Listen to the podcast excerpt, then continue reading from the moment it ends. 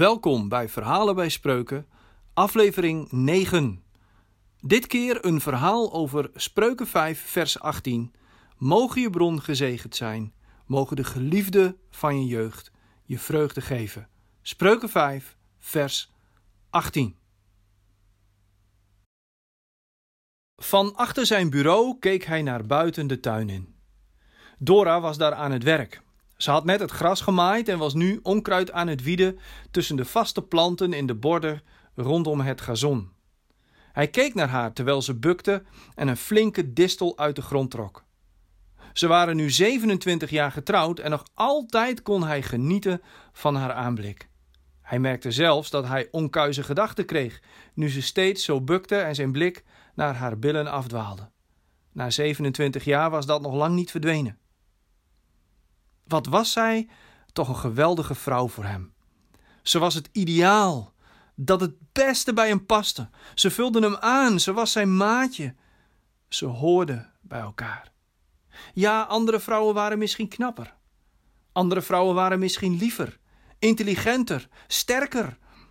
Maar zij was zijn Dora. Zij was het totaalplaatje, het totaalpakket. Zij was het en hij wilde niets anders dan haar. Dora liep ondertussen met een handvol onkruid naar de groene bak voor tuinafval. Ze deed de klep open en liet het onkruid erin vallen. Toen keek ze even om zich heen. Haar blik ging over de tuin en over het huis. Ze zag hem zitten achter zijn bureau en even bleven haar mooie ogen op hem rusten. Ze zwaaide en zette een lieve glimlach op. Een glimlach die alleen hij kende, omdat die alleen voor hem bestemd was. Hij lachte en zwaaide terug. Ze wierp hem een handkusje toe en ging daarna weer aan het werk. Dat moest hij ook doen. Hij wendde zich weer tot de boek op zijn bureau, maar niet voordat hij zijn blik even liet rusten op een klein fotootje naast zijn computer, een fotootje van een jonge Dora die vol onschuld en verwachting de wereld inkeek. De vrouw die hij 27 jaar geleden trouwde. Hij had er nog geen dag spijt van gehad. Mogen je bron gezegend zijn. Mogen de geliefde van je jeugd je vreugde geven. Spreuken 5, vers 18.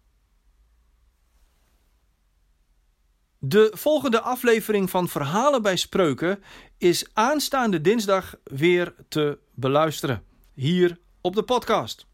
Wil je in de tussentijd toch meer? Kijk dan, zoals altijd, op roelofham.nl en het YouTube-kanaal De Dominee Spreekt, waar je nog veel meer van mij kunt zien, lezen en horen. Ik wens je een goede dag, God zegen en zeg God bless.